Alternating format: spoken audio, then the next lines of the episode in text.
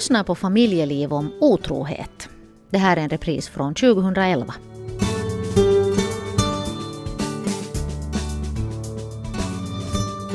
Hej, här är Familjeliv som idag handlar om otrohet. Det är jättevanligt med otrohet. Jag sökte faktiskt just statistik på det här men det är ganska svårt att forska i det antagligen.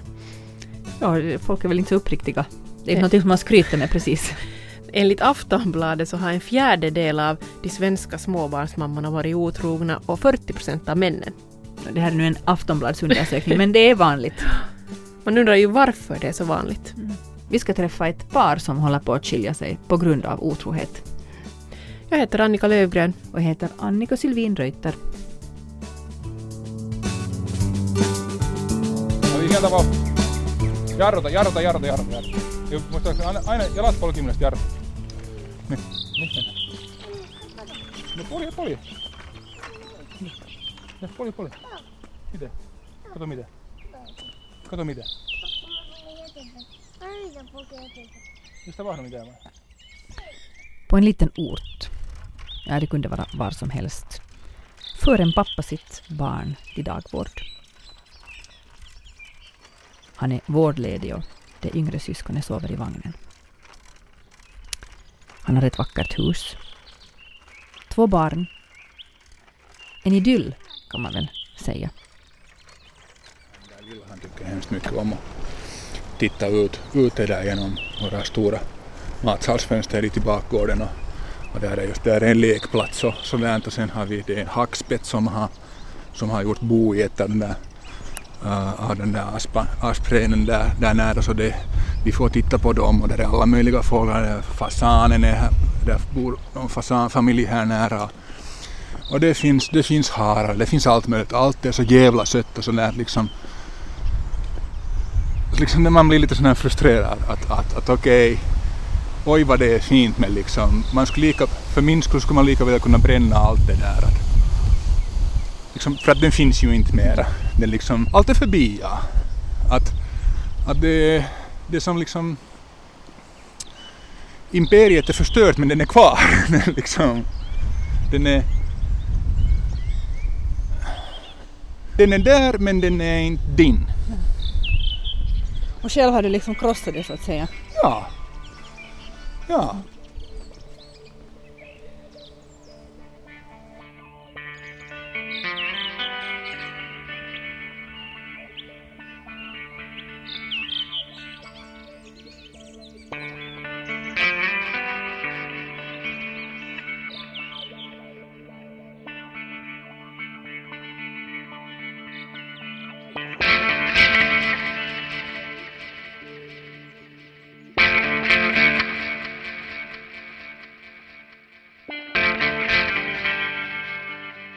Börjar man ju en dag att hej nu ska jag ha ett förhållande. Att, att det där, och det ska, det ska förstöra mitt liv och, och liksom sådär att inte, inte, inte vaknar man till det. Att liksom det, det börjar ju det börjar sakta från, från allt möjligt smått. Att, att faktiskt så har jag varit liksom mer eller mindre otrogen ända sedan början. Och det där, varför jag har gjort det, och det har, det har jag nu analyserat själv väldigt mycket. Att, att man tar nu liksom alla möjliga kriser från, från det där uh, tidiga tonåren och liksom sånt att, att liksom varför man gjorde så och så men att kan, har du aldrig kunnat leva liksom med bara en kvinna i taget då? Är det det som har varit ditt problem? Jo, inte säger det. Alltså nu, nu, jag tyckte att jag hade mycket högre moral då när jag var yngre. Att, att med min första flickvän så, så, så var det inte liksom... Jag, jag var inte otrogen med, med henne, men, men sen efter det så liksom, och det var nog också, jag var, när, när vi gjorde slut så var jag just var 21. Och det var det vilda studielivet och sånt så liksom det blev lite, lite annorlunda. Och, men att de första gångerna liksom, jag, jag betraktade dem mer som liksom arbetsolycka eller att det hände bara, jag var ju full och och, och, och, och liksom, alltså jag ångrade hemskt mycket över att aldrig igen, det här var inte roligt och liksom, och sånt Och sen min filosofi var att, jag, att hon ska liksom, min dåvarande flickvän, nu fru, så att, att hon ska inte få veta om det för att, för att no, jag ville ju inte att hon skulle lämna mig. Och det där, för att liksom, det var ju det allvar, det var liksom det riktiga förhållandet, så jag ville att, att, att det ska funka. Att, att, jag tänkte att jag vill inte belasta henne med det. Att, att det, är liksom, det är jag som har klåpat, det är jag som har gjort misstag och, och då liksom att det är min skuld att, att bära och, och jag ska inte upprepa det här igen. Förutom sen om jag gör det nästa gång. Att, men att liksom där, där var, det var ett lätt sätt att lura sig att, okay, jag gjorde någonting en gång och sen går det ett år eller ett och ett halvt år eller två år och så liksom så är man i någon situation igen. Jag har aldrig skrutit med det, liksom att folk har blivit helt chockade för att de trodde inte att jag skulle göra något sånt här. Att, att, att, det där, att de kunde inte liksom se det, så det har alltid varit lite sådär att om jag är borta, om ingen kan se det, så då är det liksom att, att man kan också, att det har lite varit tillfället, liksom att, att det har varit möjligt och, och, och det har inte funnits sån här hemskt stor risk att, att liksom åka fast för det. Men att det har ändå inte varit så nära att jag har liksom, till exempel den här första gången, vi, vi var hemskt lyckliga. För att jag har, jag har kört det här genom liksom att, att det är för att, för att jag ska ha ett intressant sexliv eller sånt här, liksom nu i, i senare tid. Men då var det inte liksom, då hade jag ju intressant sex, liksom, då, då var det var alldeles fantastiskt och sånt att, um, att jag hade ju inte någon motiv på det sättet.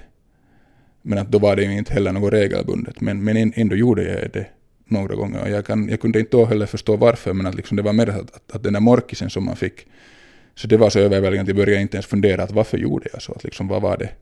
Att jag ville bara, liksom, no, det var, vi trycker bort. vi liksom vill inte tänka på det, jag vill inte, oj då, vi går vidare då. Jag har haft lite sån här hysterisk attityd till, till sex, och när jag tänker det efteråt, att, att, att liksom, jag har svårt att säga nej, att, att, att det är liksom, det är inte så där att jag alltid aktivt söker hela tiden. Att jag, ska, jag, jag behöver inte ragga varenda sten brud. Men att sen å, å andra sidan, liksom, om, om det nu kommer ett tillfälle, så jag är inte den som, som, som säger att okej, okay, nu ska vi inte gå vidare, att, eller nu ska det inte hända någonting. Men att sen å andra sidan så, så jag har liksom hemskt sån en eh, prestationsångest. Att det är med, ska vi säga de flesta kvinnor som jag har varit med, så det är första gången det blir inte någonting. För liksom, ah, att, att jag klarar inte av det här och så vet man ju hur, liksom, hur mycket sex man kan ha då när det inte riktigt, när det inte riktigt blir till någonting. Så, så jag har liksom alltid spelat det där med att, att liksom det, det börjar typ med någon flirt eller sånt att, uh, att ska vi se om jag får ögonkontakt med den där. Och bra, liksom, då får jag bekräftelse, okej okay, hon tittar på mig. Och nu såg hon att jag tittar på henne och sen tittar hon igen, okej okay, nu, nu har jag fått hennes uppmärksamhet. Bra jag har fått bekräftelse. Nu behöver inte gå någon vidare. Men att låt oss nu se att liksom, kommer hon att tala med mig? När hon kommer, och men att nu får jag ännu mer bekräftelse. Det är ju, det är ju jätte, jättebra, men att det behöver ju inte betyda någonting. Liksom jag, alltid har jag kört, när jag märkte att jag har liksom den här prestationsångest, att fast jag nu skulle få den här tjejen hem eller gå hem till henne eller hur som helst, vi är nakna och sådär i sängen, det behöver ju inte hända någonting. Och det har varit mitt sätt att, liksom, att eller, eller jag tar det bara så långt. Och sen händer det ingenting. Liksom att, att, att, att det, fast jag inte har tänkt det liksom sådär aktivt, men det, det, har, det har mycket under att, att få den där bekräftelsen att oavsett vad som händer så jag vet att jag skulle ha fått henne. Liksom, hon skulle ha särat sina ben för mig. Och då är jag liksom, då är jag mera värd. Du, du vill ha bekräftelse på dig, på dig själv, på din egen attraktion, att du är en bra som ja. du är.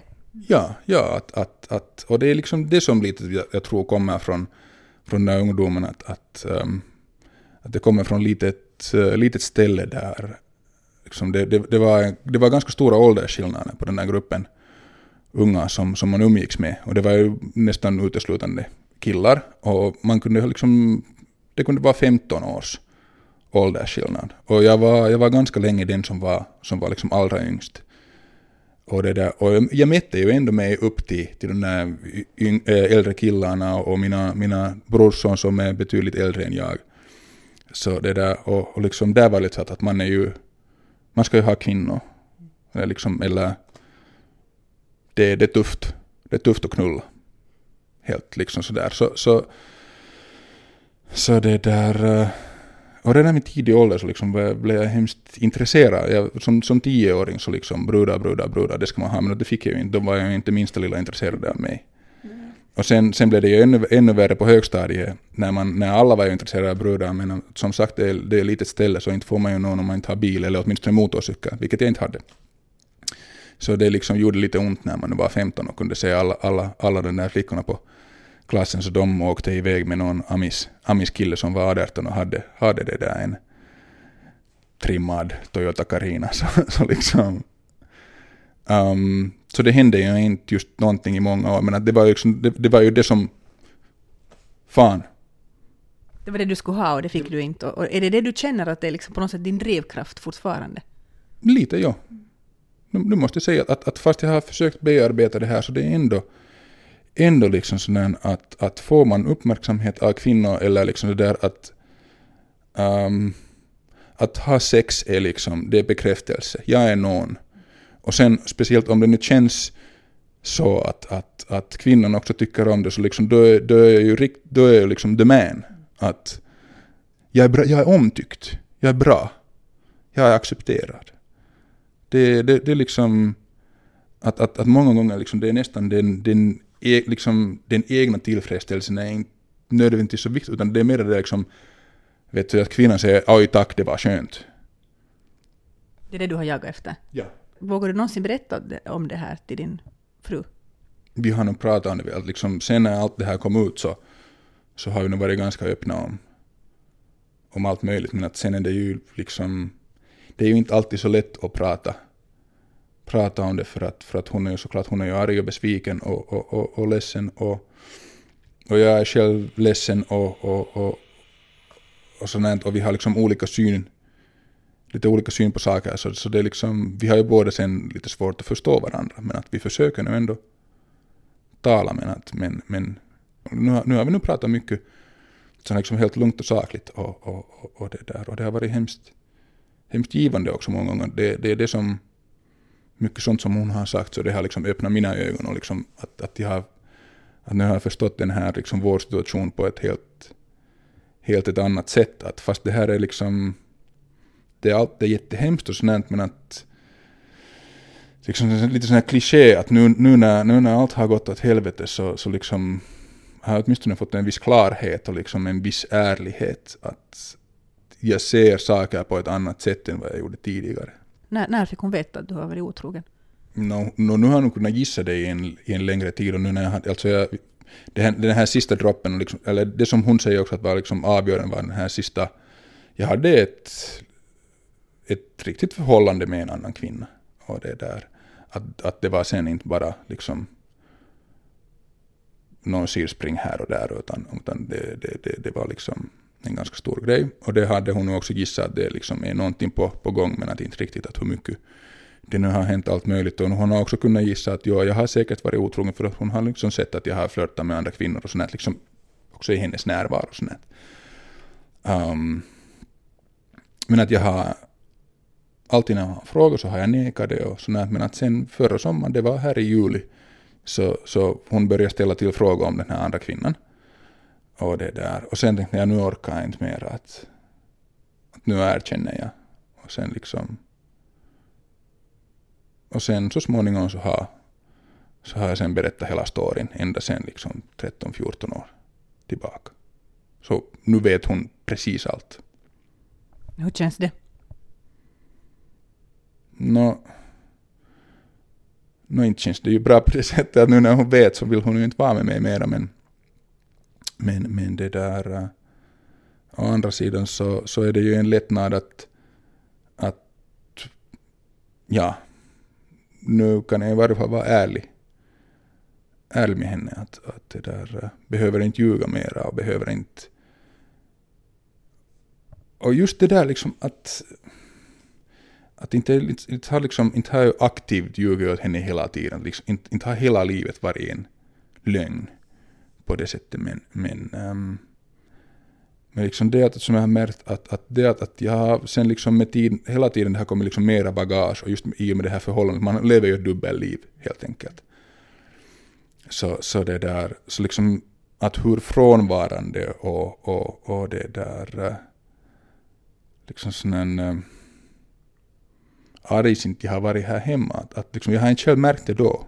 Det har, varit, det har säkert har varit irriterad, men jag har liksom satt det, jag har nu skyllt det på allt möjligt annat sen att jo, det har varit det är jobb och jobb och, liksom, och du gnäller och liksom, jag är trött och sånt. Jag har inte tänkt på att hur jag liksom själv har skapat egentligen med mitt beteende. Att, att, att det, jag har inte tänkt att det är jag som är problemet, jag har tänkt att jag, jag kan handska det här. Och på det sättet liksom, det har jag också tänkt att, att, att det har påmint många gånger om som liksom alkohol eller, eller en drogproblem. Att, att, att jag, jag gör det här för att jag behöver det. Det hjälper mig med någonting, jag förtjänar det. Liksom. Jo, jag vet att det är lite fel, men att jag ska nog ändå ha det.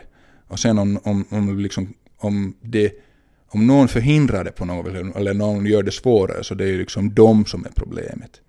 Eller om någon frågar att vad är det med dig, så liksom, vad är det med dig? Att, att jag, är liksom, jag, jag, jag gör ju allt som liksom, jag, inte har jag något problem. Jag är ju här, jag jobbar, jag, jag, jag sköter ju om barnen, eller åtminstone tycker jag att jag gör det. Liksom, jag, men, men, men, så det är liksom, på det sättet är det, är det hemskt Uh, jag, jag, är lätt, liksom jag känner en stor lättnad över att, att ha liksom sluppit den där, liksom den där falska, det där falska dubbellivet och liksom den där att, att jag ska ha, jag ska ha det här.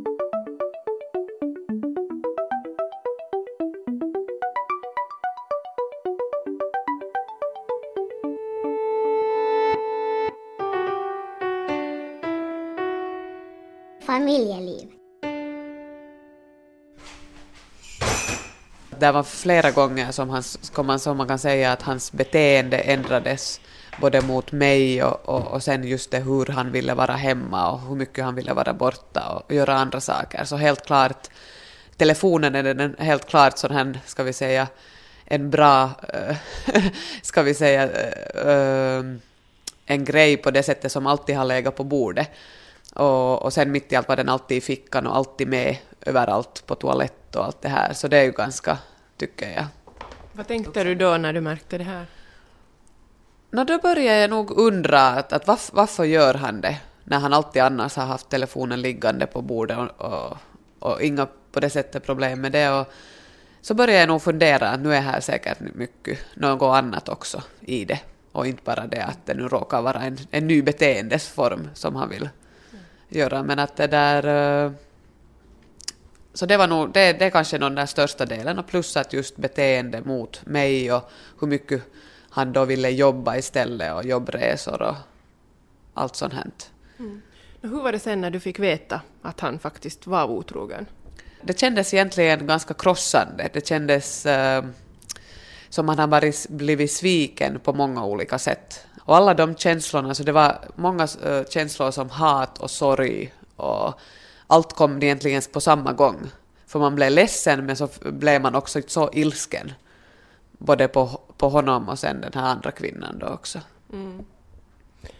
Tänk, vad tänkte du om dig själv? Alltså kan man ha någon sån här, vissa talar till och med att de har skuldkänslor, alltså att var jag inte tillräckligt? Jag tror att helt den där första känslan i alla fall, alltså när man får veta det, så då, då hinner man inte man, utan man koncentrerar sig på den där att vara sviken och, och, och, man koncentrerar sig på den där sorgen att den andra har gjort det. Men såklart nu när, nu när tiden har gått så har man ju börjat fundera på att, att det där, vad, vad skulle man själv ha kunnat göra annorlunda och skulle man ha gjort annorlunda?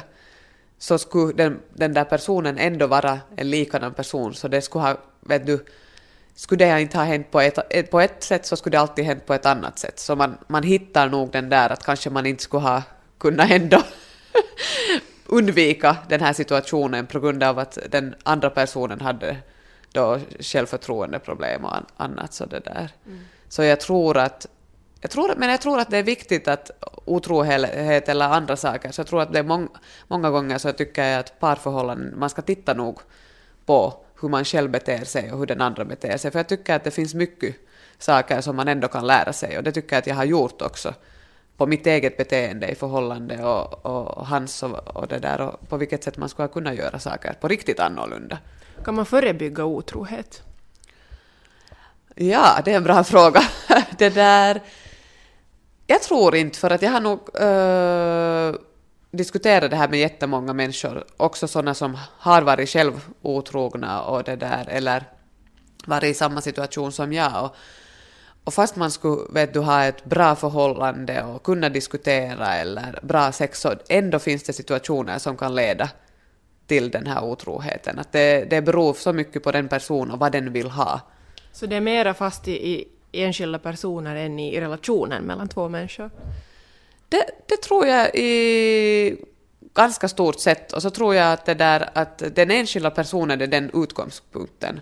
Men sen relationen kan vara då en trigger åt olika håll.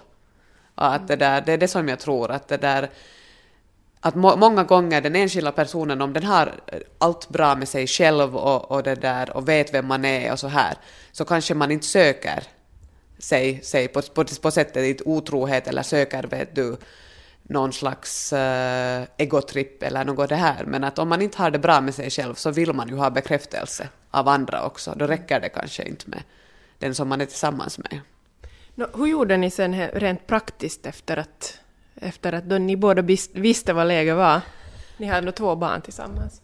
Jo, uh, helt praktiskt så det där uh, var vi nog... Uh, alltså vi bor fortfarande under samma tak men vi, vi, eh, vi säljer huset och det där och ska skiljas. Men att uh, det blev kanske så att, att det där att vi bara blev som vänner. Att vi, vi bodde under samma tak som vänner så att många saker som praktik, praktiska saker rullar bara. Om att vet du, söka barnen från dagis, ma matlagning, städning.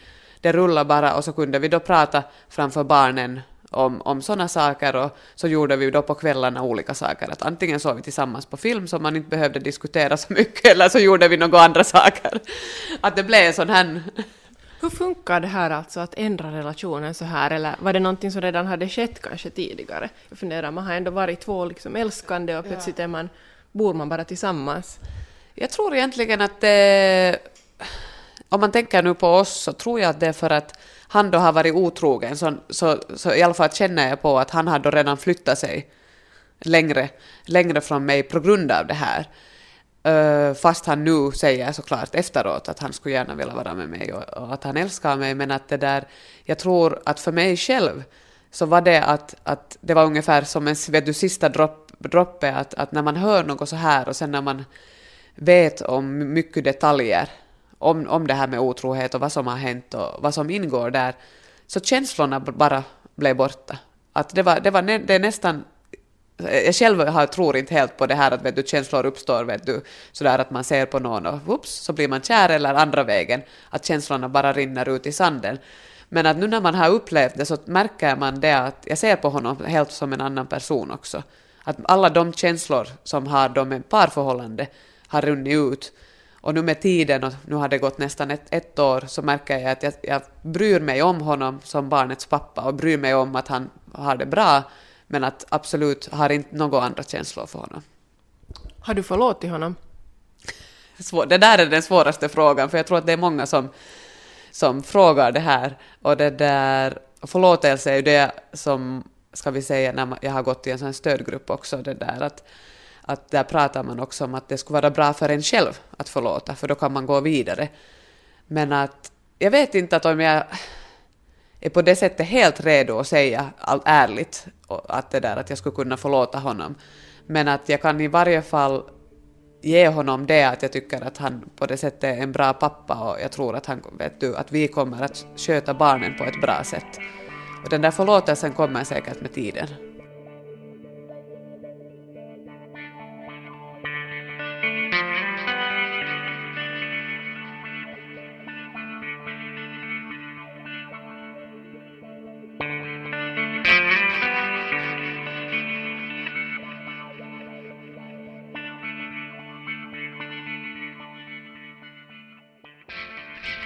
Ångrar du dig?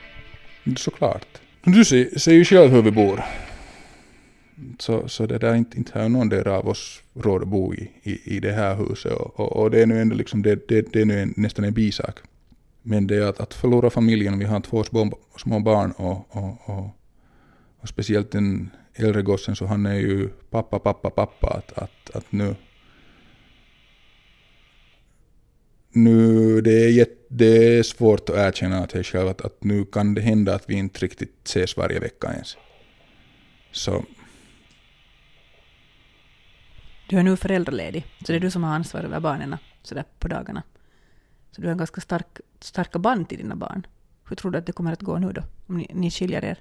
no, som tur så, så frun är inte så arg på mig att hon inte, liksom, att hon inte vill samarbeta. Att, att nu vill hon ju också barnens bästa. Och så, så jag hoppas och tror att vi lyckas skapa någon slags symbios, att det inte är någon vecka vecka eller att, att jag blir någon veckoslutspappa. Bara att, att, att för att helt av praktiska skäl så jag kommer också i framtiden, jag har liksom mera flexibla arbetstider och sådant. Så, så, det där. så nu kommer jag nu, jag, jag tror nog att jag kommer att ha bra kontakt med barnen och, och vi kommer att liksom ha sån bra samarbete med, med, med, med frun också. Men, men, eh, men såklart inte det är ju samma som att, att, att hela familjen bor under samma tak. Jag, jag skulle kunna bli vuxen lite tidigare. nu har jag gått i terapi och, och jag, jag gick till och med då, då, när jag, då när jag kom på den att, hej, att, att, att mitt beteende och liksom tankesätt att det påminner så mycket om liksom knarkare och alkoholister, att, att, att är jag liksom någon slags sexaddikt och jag gick till ett sånt här möte och där träffade jag en kille som liksom, han tog mig under sina vingar och sa att jo, det är du helt klart, att, liksom, jo, att du har inte uppfört dig på samma sätt som, som många, liksom, ska vi säga, en textbok case, men, men liksom han sa att, att, att det är tydligt att jag inte att precis som han, att när det kommer till sex så jag kan inte fatta rationella beslut. Det, och det är liksom det som är typ grejen. Och att man måste, sen liksom, att man måste gå in på det här 12, 12-stegsprogrammet för att liksom förbättra sig själv och sånt. Och, och, och det tänkte jag allvarligt länge och vi hade liksom mycket diskussioner och, och, och, och sånt. Men att sen när det kom, när det liksom blev klart med frun att hon tänkte att det är inte någon skillnad. Att, att hur mycket jag nu sen skulle än ändras så hon kommer inte över det här. Liksom. Att, att jag har sårat henne så djupt med, med, med liksom allt möjligt att, att, det där, att det, går inte, det går inte att reparera. Så liksom, men att, vad är det för skillnad då? Att, jag, jag, jag förstår det ju om man ska liksom bli bättre för sin egen skull. Men att då när hon säger att, att liksom, oavsett vad du gör så det här är liksom, det här är nu slut. Så, liksom där, så, så då faller den där fokuset, okej, okay, vad ska man göra? Liksom, var, varför ska jag då liksom jobba så hårt för någonting som egentligen inte ger något utbyte? Det är lite som att okej, okay, man borde ju banta men att jag tar lite mera choko nu ändå. Jag börjar kanske imorgon. Så liksom jag, jag slutar med den processen. Att jag tänkte sen lite sådär att mm, kanske har jag lärt mig någonting, att åtminstone om jag nu gör något dumt så jag är medveten om att varför jag gör det. Men, eh, men nu på sistone så har jag inte gjort någonting dumt. Att det konstiga är att no, nu när vi... Att hon vill inte liksom... Vi har inte någon fysisk kontakt eller sånt. Att, att, ehm, så nu är jag nog henne trogen.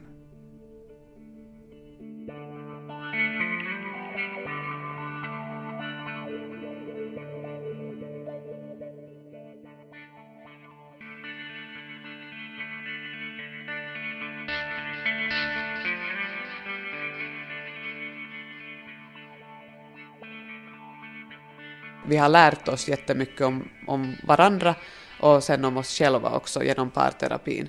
Men på grund av att de känslorna som jag vet du inte har mera, eller också under parterapin kunde inte ens väckas där, så, så kunde inte parterapi eller en stödgrupp eller någonting annat hjälpa vårt förhållande i det här fallet. Du verkar alltså ha kunnat handla jätte så här rationellt på något sätt. Jag tror att det är för att jag är, ganska, det är en person som oftast inte stannar upp och känner. Och det är egentligen en dålig, dålig sak på många, eh, många punkter, för att det är många säger att man borde känna och få ut de där känslorna, så om det är då sorg eller hat. Det har jag nog också gjort mot honom. Men att när jag tänker på, på mig själv så tycker jag att okej, okay, nu har det här hänt, men nu måste vi gå framåt och hur gör vi det bästa för barnen och för oss själva att om man tittar på framtiden. Och, och, jag är kanske bara rationell i den synpunkt att jag gör alla mina beslut enligt det här, att om det händer någonting så man ska inte för länge stanna upp och, och det där eh, bli arg eller eh, sorgsen för att man kan inte göra någonting. Sen hänt det hänt och då måste man titta framåt för att uh, man lever ju bara en, en gång så man måste göra det bästa utav det. no, hur ser du på det här nu som han säger alltså att han, han han skulle vilja ha dig tillbaka och han säger att, att om du inte tar honom tillbaka så kan det gå dåligt för honom igen.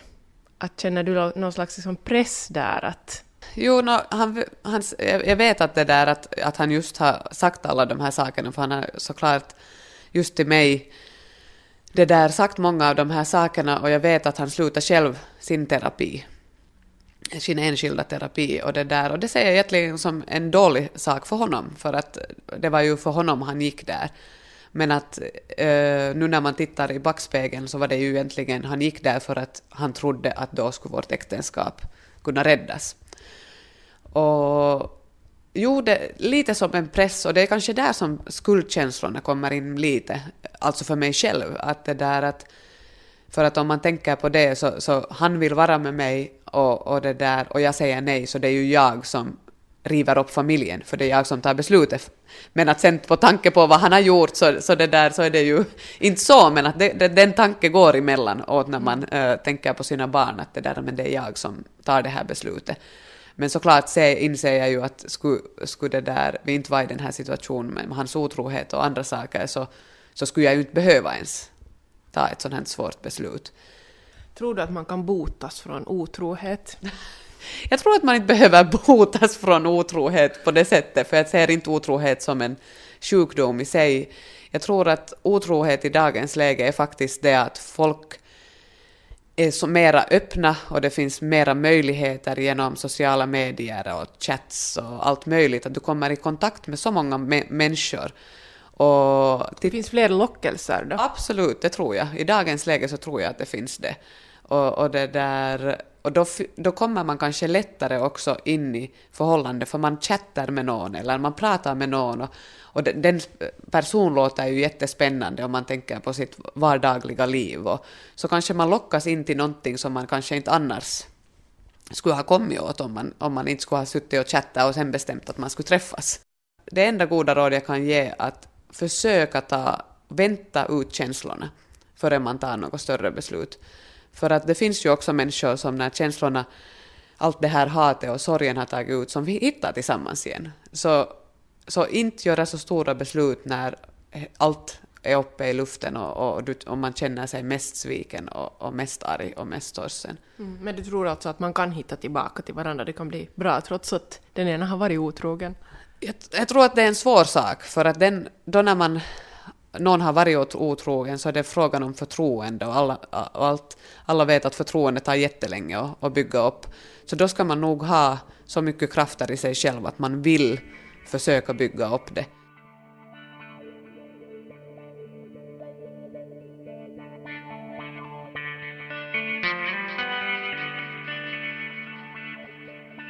mycket av det som jag har gjort har att göra med, med det dåliga självförtroendet, liksom behovet av att imponera andra människor och, och liksom få på det sättet bekräftat, oj vad du är bra på liksom olika sätt. Så någonstans i magen har man men att folk kommer att tycka att det här är helt fånigt. Just när jag tänker på min musik eller sådär, liksom, det är ändå så att man, folk tycker att det är helt fånigt. Så inte orkar jag göra. det. och sen bort från men att jag är lat så jag gör det inte. Så förklarar jag åt mig själv. Så nu så liksom den stora befrielsen är att när alla, tyck, alla liksom vet att jag är en skurk, liksom, jag, är, jag, är, jag är en dålig människa helt enkelt. Så, så, det där, eh, så det ger ju liksom en viss frihet, frihet att nu kan jag vara mig själv och jag, kan, jag, jag behöver inte försöka göra ett intryck på folk för att det hjälper inte, de vet ändå vad jag har gjort. Så då liksom fa, försvinner det här behovet att att alla ska tycka om mig, för att de tycker ju inte om mig. Inte, inte mamma och pappa speciellt stolta över det här inte. Fast inte har, inte har de sagt att jag, jag liksom, nu tycker de ju om mig och, och, och nu är jag ju deras son, men, men ändå liksom. Så, så det, ger en, det ger en viss befrielse och, och äntligen vara sig själv. Och göra saker som man verkligen vill göra, fast man har den känslan att folk liksom tycker att det där är helt dumt. Vad vill du göra nu då? Men jag vill till exempel börja spela mina, fortsätta och, och, och jobba på mina, mina låtar och börja spela dem. Om jag nu äntligen skulle, skulle kunna börja teckna serier igen, att, att det, där, det, har, det har varit på paus igen i en lång tid. Så, så liksom allt sånt som, som som alltid egentligen har önskat att göra, men, men det, det är jobbigt. Det är mycket jobb och uh, det är mycket jobb att till exempel göra, teckna en sida serier. Det är hemskt tråkigt. För att när, när man har skissen klar så liksom, är, är det klar för mig, så då är jag tillfredsställd med det redan. Allt, allt annat än bara jobb. Då har det varit lättare att ta liksom sådana här snabba cash, snabb, quick rewards, att du har sex med någon, det, det, det liksom, där, där, får du, där kommer tacket med detsamma. Att, att det, det, det är liksom skönt där när man gör det. Och det är lätt att fixa, det, det kräver inte så speciellt mycket arbete. Det är att vara glad över en, en, en, en, en bara det att ha gjort en sång eller banda in en sång eller spela, spela det till, till någon, till fem människor som ni orkar lyssna på eller, eller någon serie och sätta det på, på, på internet och, och ingen läser det. Så liksom det, det, det är jättejobbigt. Men nu är liksom, jag tycker att jag är bättre beredd till att, att, att satsa mer på de sakerna som jag också tror att det är liksom sån här större lycka än just det där snabbis. Som egentligen, no, oavsett vad det nu är, så, så man får en lite tom känsla efteråt. Kanske är det nog bara att erkänna att jag måste köra mot den här väggen så här hårt för att inse att vad det nu egentligen är som jag håller på med och varför. Och att liksom det måste på ett sätt sluta. Att liksom det kan inte, jag kan inte fortsätta att leva så. Förstår du din fru om hon säger att hon inte kan förlåta dig? Såklart. Inte, inte tror jag att jag själv heller nödvändigtvis skulle, skulle kunna förlåta. När jag tänker på allt det där som jag har gjort och det där, och, och som hon, liksom, hon har ju illustrerat det väldigt klart att, att när hon säger att, att jag har svikit henne som, som, som det där, eh, ska vi säga, man och som, som eh, partner och som vän, att, att, att, det är inte, att hon säger att det, det, är inte, det är inte den där knullande som hon är, det är inte det som är den där stora saken, utan det är mer liksom att allt det där som jag har offrat och all den tid och liksom all den information som jag har gett åt någon annan om liksom om våra privata saker. Att, att jag har liksom svikit henne på det sättet. Så, så, så det, det, det, jag kan förstå det. Jag kan liksom jag vill inte att det skulle vara, jag hoppas att hon en dag ska kunna förlåta mig, jag hoppas att vi en dag skulle kunna liksom vara ihop igen, men, men jag kan också förstå liksom att det inte, inte, inte kan man nödvändigtvis förlåta allt inte. Att, att, om, jag, om jag tänker om, om hon hade gjort detsamma så, så liksom jag, jag, jag blir helt, jag börjar gnissla tänder och, och, och liksom se svart.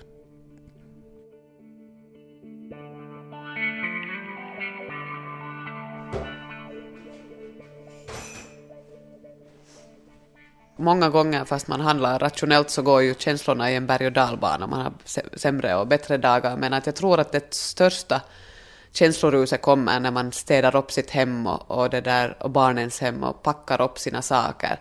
Och säkert sista gången när man låser dörren och, och ger nycklarna till, till den nya ägarna så kommer säkert känslorna att, att det är många som jag känner som har också då skilt sig och gjort samma, så de säger att det är otroligt starkt det här att, att, att ge upp sitt hem och som har varit barnens hem och, och, och, och vända då bladet till något nytt.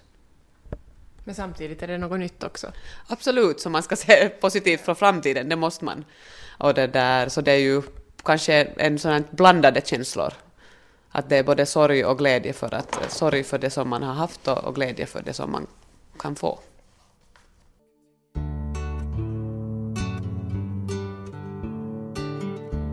Det här var en historia om otrohet. Otrohet är vanligt i parförhållanden, men varför är man otrogen? Anne Bjerre jobbar på familjelinjen i Helsingfors. Och de har stödgrupper för par som håller på att skilja sig.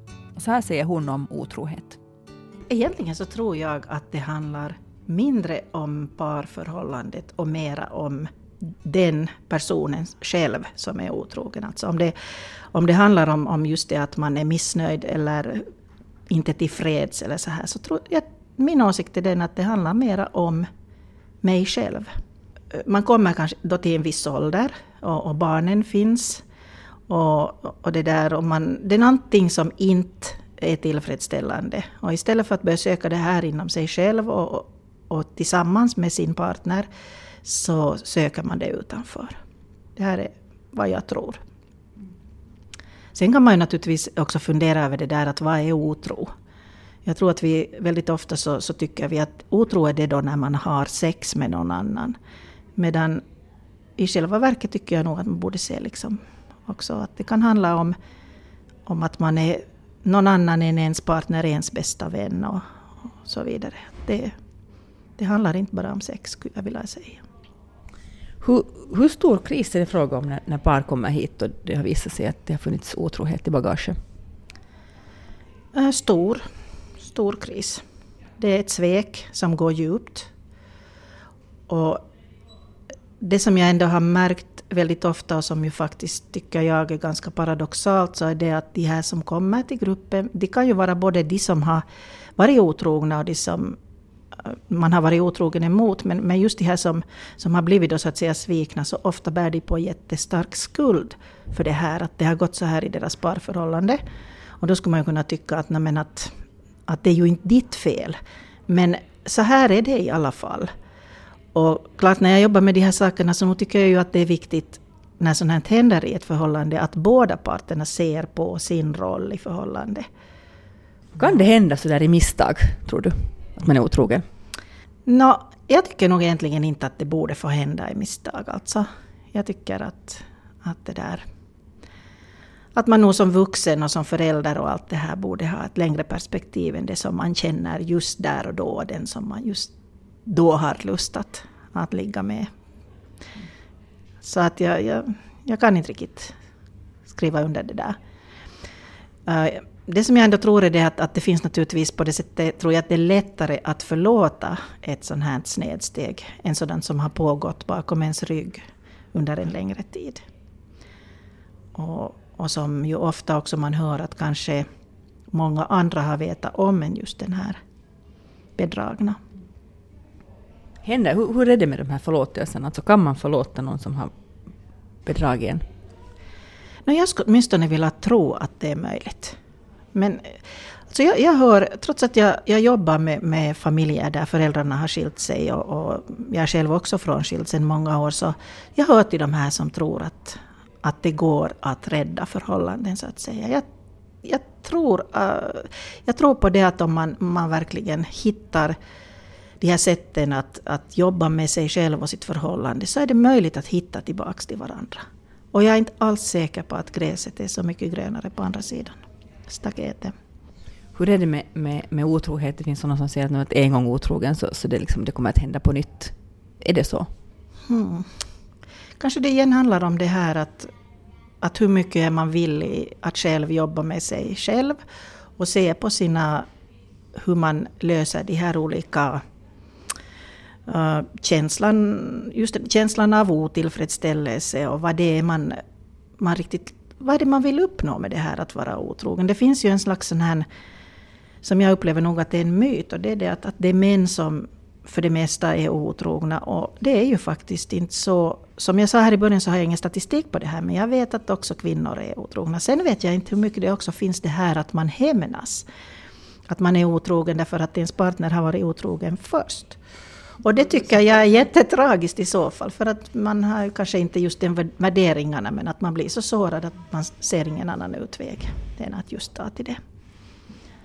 Men jag tror som sagt att, att om båda vill och man jobbar på det tillsammans så, så är det möjligt att för, försonas och förlåta och gå vidare. Men jag tror inte att det är hemskt lätt. Som jag sa i början så tror jag att, att det handlar jättemycket om en otillfredsställelse inom en själv. Det finns förstås eh, alla de här som man pratar om, små, äh, småbarnstiden är, är bäst, naturligtvis krävande i alla relationer, det tror jag. Um, många påstår att det är avsaknaden av sex som leder till det här. Och, men fortfarande så jag är av den åsikten att vuxna människor, det finns ett annat sätt att lösa det här problematiken än att vara otrogen.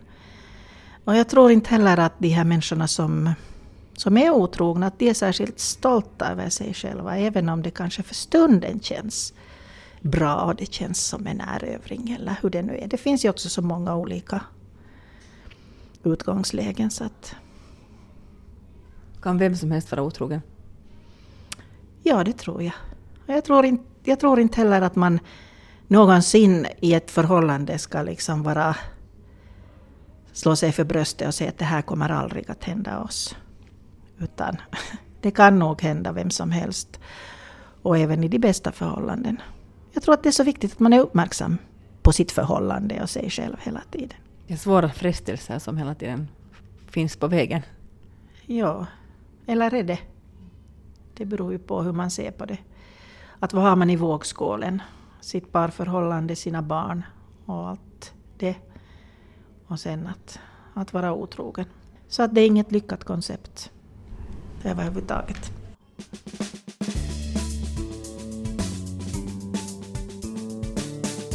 Det sa Anne Bjerre som idag jobbar vid barnavårdsföreningen med frånskilda föräldrar och deras barn.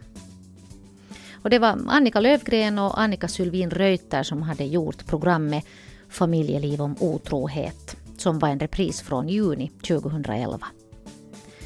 Om du vill ta del av fler historier och artiklar om parförhållanden, otrohet och skilsmässor så kan du gå in på svenska.yle.fi familj. Där fortsätter nämligen vår satsning i nöd och lust. Och om du känner för det själv så får du hemskt gärna dela med dig av din egen story. Den kan ge kraft och hjälpa andra på traven. Det här var Familjeliv idag. Vi hörs om en vecka igen. Ha det bra tills dess.